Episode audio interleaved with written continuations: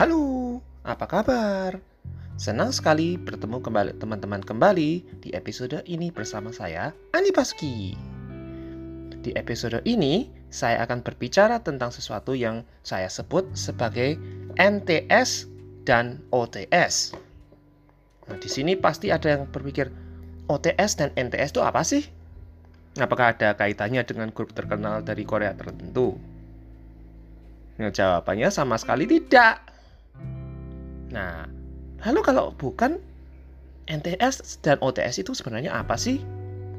Hmm, pasti ada penasaran, pasti ada yang penasaran. Kalau begitu, dengarkan terus podcast ini sampai akhir untuk mengetahui apakah yang yang saya bicarakan tentang OTS dan NTS ini. Are you ready?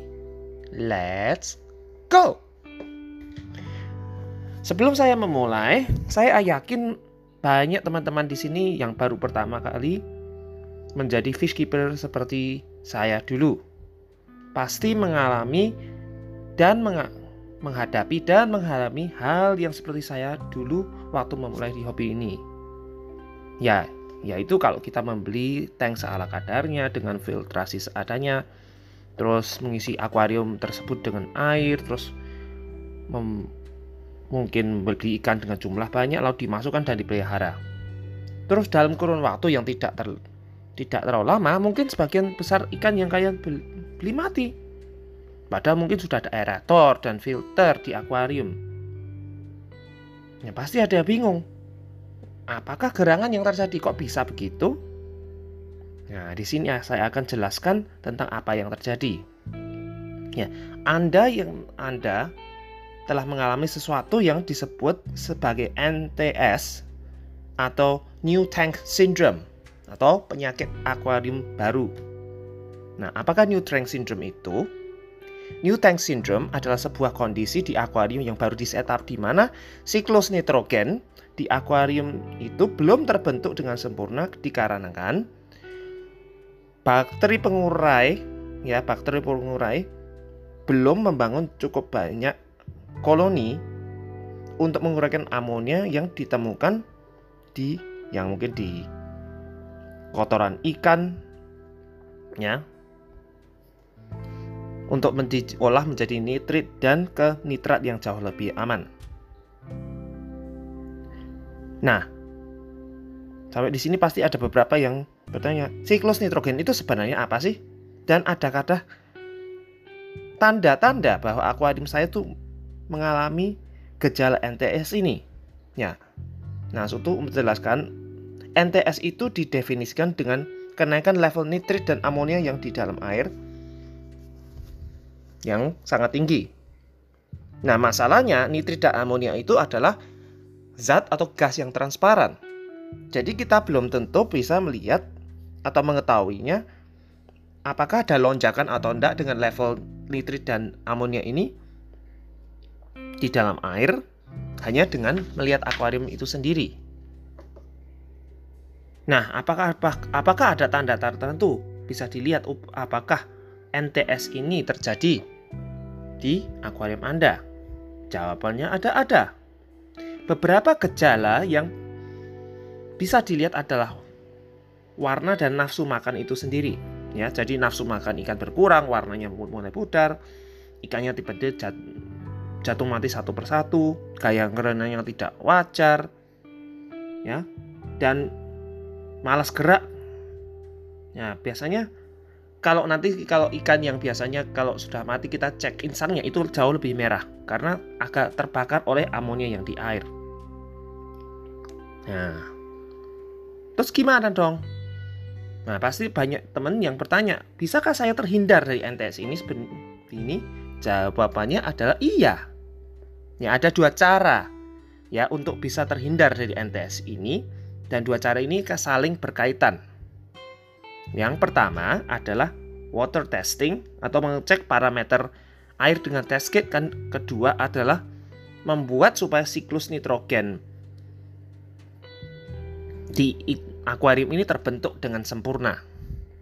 Nah, nah siklus ya Sitro, siklus nitrogen seperti yang saya sebut sebelumnya adalah proses di mana amonia yang diproduksi oleh bahan buangan biologi seperti kotoran ikan, makanan yang tidak dimakan salah apa yang tidak dimakan, mungkin ada tanaman yang apa daun tanamannya mati dan selainnya akan diuraikan menjadi nitrit. Kemudian ke nitrat yang jauh tidak berbahaya yang bisa diangkat dari akuarium dengan diserap ya sebagai gizi oleh tanaman di air di dalam kalau kalau aquascape atau kita dibuang dari akuarium lewat pergantian air dan nah, filtrasi biologis akuarium Anda. Nah, prosesnya detail siklus nitrogen terbentuknya itu seperti apa? Nah, mari kita lewatin satu persatu. Tahap pertama ya adalah dekomposisi barang organik di akuarium yang bisa terjadi dari seperti tadi kotoran kotoran yang dari ikan-ikan Anda, mungkin ikan-ikan yang mati, tanaman-tanaman mati dan lain sebagainya. Nah, ini semua ini akan memproduksi apa? Akan pertama di uraikan dulu untuk bakteri, bakteri yang di dalam apa? akuarium Anda menjadi amonia dulu. Nah, amonia ini yaitu adalah sebuah zat yang beracun untuk ikan ya di mana sedikit aja sudah bisa mempengaruhi mempengaruhi kesehatan ikan-ikan Anda. Ya, karena mengurangi membuat insangnya merah, radang dan mengurangi apa? mengurangi kadar oksigen di dalam air. Biasanya ya, level amonia ini bisa tinggi ya bisa jadi dikasih makannya terlalu banyak bisa karena ya ikan jumlah ikan yang di dalam akuarium ini jauh lebih banyak daripada kapasitas akuarium itu meng, menampungnya yang dan lain sebagainya. Nah, nah tahap kedua, nah setelah amonia ini dalam air, nah ada bakteri-bakteri yang bisa pengurai yang menguraikan amonia ini menjadi nitrit. Ya mengucapkan ini nah perlu dicatat ya nitrit ini itu masih beracun terhadap ikan. Tapi dibandingkan amonia tidak berbahaya. Jauh tidak berbahaya. Nah setelah ini setelah tahap kedua di mana amonia akan diuraikan sebagai nitrit. Nah tahap ketiga akan di mana nitrit ini akan diolah kembali oleh bakteri ya yang namanya nitrobacter ya nitrobacter.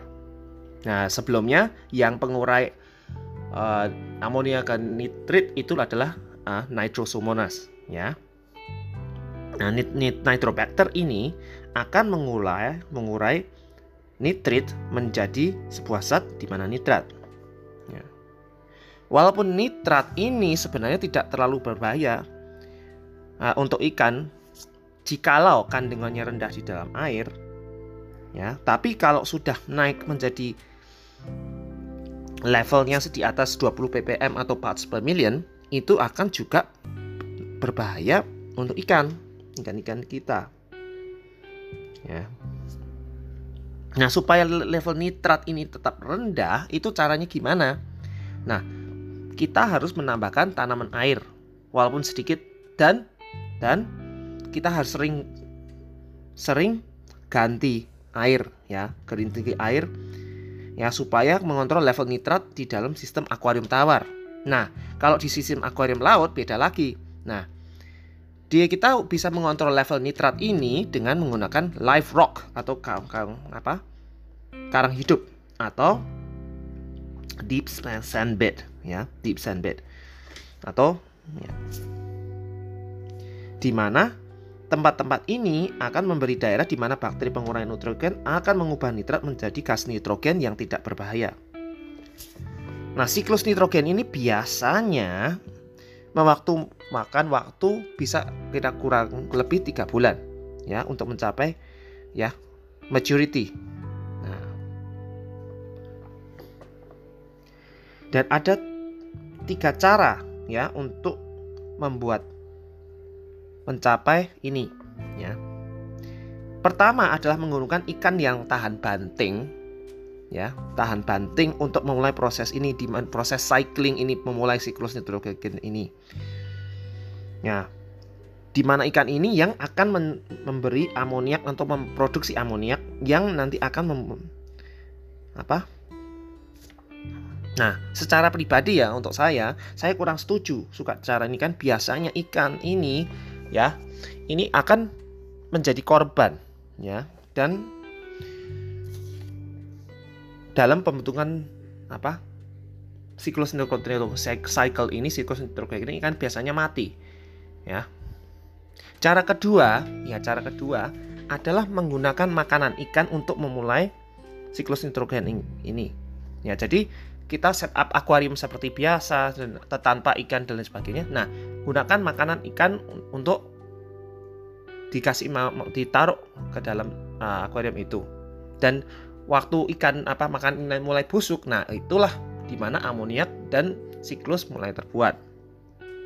Nah dan usaha. Tapi di dalam proses ini usahakanlah bahwa air temperatur air tetap hangat ya tetap hangat dan nyalakan filter dan nambahkanlah beberapa tanaman untuk menyerap nitrat ya yang akan terbentuk di dalam proses ini. Nah, cuma di metode ini ada satu kelemahan adalah jumlah bakteri pengurai biologis yang terbentuk mungkin tidak terlalu banyak. Karena amoniak yang nanti terproduksi oleh makanan ikan yang mulai busuk ini kurang banyak. Ya.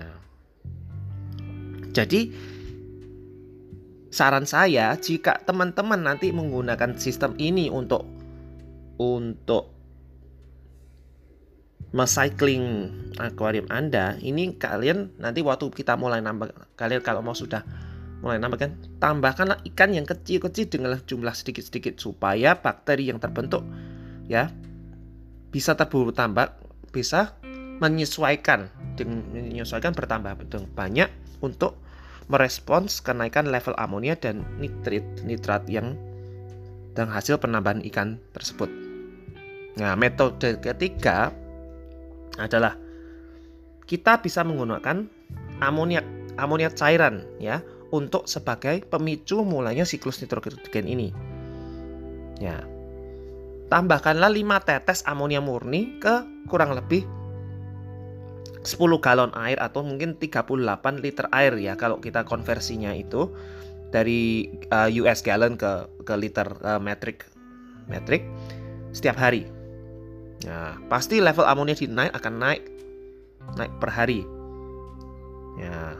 Dan ujilah parameter air ini sampai nanti ada nitrat mulai nitrit mulai terdeteksi. Nah, lalu kurangilah jumlah amo tetesan amonia menjadi tiga per hari dan terus lanjutkanlah uh, pro, proses ini sampai menguji, sambil menguji parameter air sampai level nitrit dan amonia menjadi nol.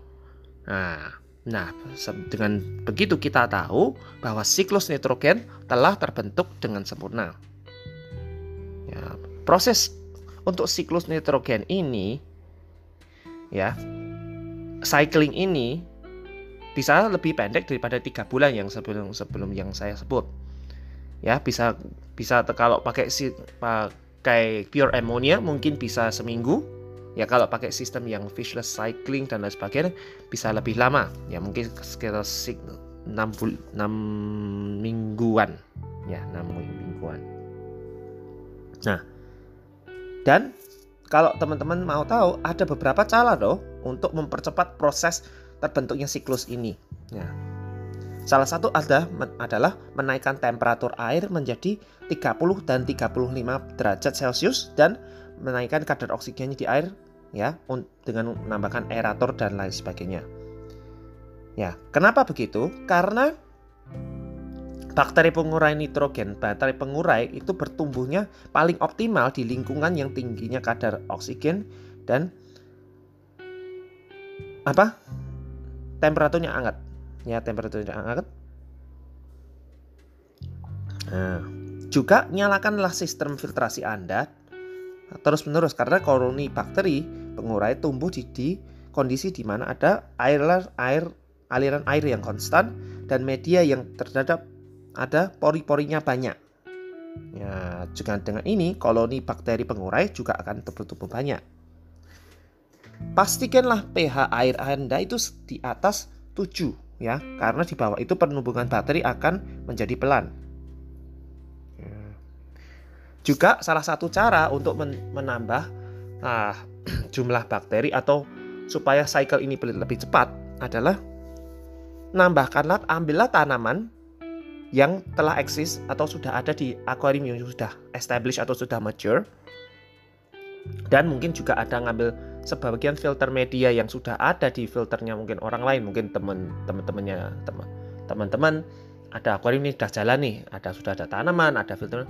Kalau bisa mintalah sedikit ya mintalah sedikit untuk ditaruhkanlah di filter Anda di dalam akuarium Anda karena sudah di situ sudah ada apa bakteri-bakteri yang uh, bagus ya koloni bakteri yang sudah terbentuk yang membantu akan mempercepat siklus ini. Ya, tahu? Ya, bisa saja kalian bisa menggunakan apa biobakteri yang cair dan lain sebagainya yang sudah tersedia di pasaran dipakai beberapa merek. Nah, bagi yang ya mau mengetahui ya atau uh, guide tentang siklus nitrogen ini yang lebih singkat ya yang tidak terlalu bertele-tele. Kalau kalian merasa uh, aku apa saya lagi bertele-tele gini bisa main ke akun Instagramnya Tropic Tank ya. Tropic Tank di mana situ terda terdapat banyak sekali uh, informasi seputar uh, care ikan, filtrasi, cycling dan lain sebagainya. Ya, ya tanda-tanda. Nah, Terus tanda salah satu lagi tanda-tanda tank yang Anda yang sedang mengalami cycling ini adalah air yang terkadang lebih cloudy atau keruh di awal. Karena ini adalah bakteri terja, ter, terbentuk karena ada bakteria bloom. Ya, bakteri yang bertumbuh banyak makanya terjadi seperti itu. Nah, untuk mengetes lah saya tadi eh, pasti teman-teman pasti dengar. Saya ngomong tentang testing testing testing testing parameter air dan sebagainya. Nah, pasti ada yang tanya lah cara saya untuk mengetes air itu caranya gimana sih? Nah untuk mengetes parameter air supaya supaya mengetahui apakah siklus nitrogen ini telah terbentuk ya. Nah kita bisa menggunakan dua bisa menggunakan test kit air ya water test kit yang uh, bisa dari merek-merek yang sudah ada di pasaran atau ya kalau teman-teman merasa aduh terlalu ribet kalau pakai test kit yang air gitu harus nyampur ini nyampur itu. Nah kalian bisa menggunakan test strip test strip ya test strip yang all in one yang bisa mengetes semua parameter secara secara langsung ya uh, dua merek yang yang saya percayai ini bukan saya saya tidak di endorse merek-merek apa pun itu karena pengalaman pribadi saya dan teman-teman saya yang menggunakan adalah test strip dari JBL dan Sera. Nah, kita saya, saya kan udah ngomong banyak panjang lebar tentang uh, entes. Nah, nah saya kan sekarang ngomong tentang membahas kondisi tentang uh, kondisi akuarium yang satu lagi yang saya sebut tadi di awal adalah OTS. Nah, OTS ini adalah singkatannya Old Tank Syndrome. Ya, Old Tank Syndrome ini jarang sekali dibahas karena memang banyak teman yang nggak sadar OTS ini kadang-kadang terjadi di uh, tanknya masing-masing. Nah, dibandingkan New, New Tank Syndrome yang paling paling sering terjadi di, di untuk akuaris pemula-mula ya. Nah, OTS ini sebenarnya apa sih? Ya, OTS itu atau Old Tank Syndrome adalah kondisi di mana kualitas air dan parameter air makin menurun yang disebabkan oleh akumulasi jumlah nitrogen dan mineral yang di dalam air. Nah, biasanya ada satu parameter yang uh, sering disebut-sebut di akuarium atau KH dan GH ya, uh, general hardness dan uh, hardness atau kandungan mineral yang di dalam air ini yang yang bersangkutan dengan ini. Nah, KH ini ada biasanya adalah menjadi buffer. Jadi supaya menstabilkan pH di dalam air Anda. Ya. Nah, di di old tank syndrome ini KH ini akan karena kandungan karbonat uh, mineral ini berkurang, jadi parameter air atau pH air akan pelan-pelan merosot menjadi dari sistem yang stabil menjadi lebih asam. Lebih asam, ya. Nah, dengan pH yang as lebih asam dan tiba-tiba anjlok secara drastis. Nah, ini akan membuat siklus nitrogen ini menjadi crash, rusak semua dan biasanya uh, korbannya adalah ikan-ikan kita yang kita pikirnya akuarium kita sudah stabil bertahun-tahun tiba-tiba mati semua kayak gitu seperti itu. Nah, salah satu OTS itu sebenarnya kok bisa terjadi sih? Nah, salah satu penyebab OTS ya adalah kita tidak memaintain sistem akuarium yang baik. Ya, seperti memberikan apa? Bersihkan filter akuarium ya, maintenance, uh, mengganti air akuarium secara rutin, memberi makan terlalu banyak dan lain sebagainya. Ya, ada beberapa tanda-tanda OTS ini bisa terjadi. Ada satu kalau water testing kita mau testing air bukan yang cair loh ya, bukan bukan yang test strip, itu adalah kenaikan level fosfat dan nitrat yang naik dan pH air tiba-tiba menjadi asam. Tiba-tiba ya. Terus ada lumut yang tumbuh dan pertumbuhan yang tidak wajar tiba-tiba biasanya biasa-biasa biasa-biasa saja. Kok tiba-tiba oh kok banyak banget sekali tiba-tiba gitu. Dan lain sebagainya. Ya. Nah tapi jangan panik teman-teman. Ya especially untuk teman-teman yang sudah mungkin sudah akuarium sudah bertahun-tahun. Lo lo terus gimana nanti OTS gini? Kalau ada OTS gini gimana? Adakah cara untuk uh, terhindar dari ini? Oh ada. Ada Ya, salah satu adalah sering maintain dan membersihkan filter ya dengan air akuarium ya bukan air keran karena kadang-kadang klorin di dalam air pump kalau kita pakai air sumur ya nggak tahu ya tapi kalau pakai air pump kadang-kadang klorin yang di dalam ini yang di dalam air itu malah akan membunuh bakteri bagus di yang sudah di milk filter kita. Nah nanti berarti kita kita kayak ada mini cycle cycle-nya mulai lagi seperti itu ya.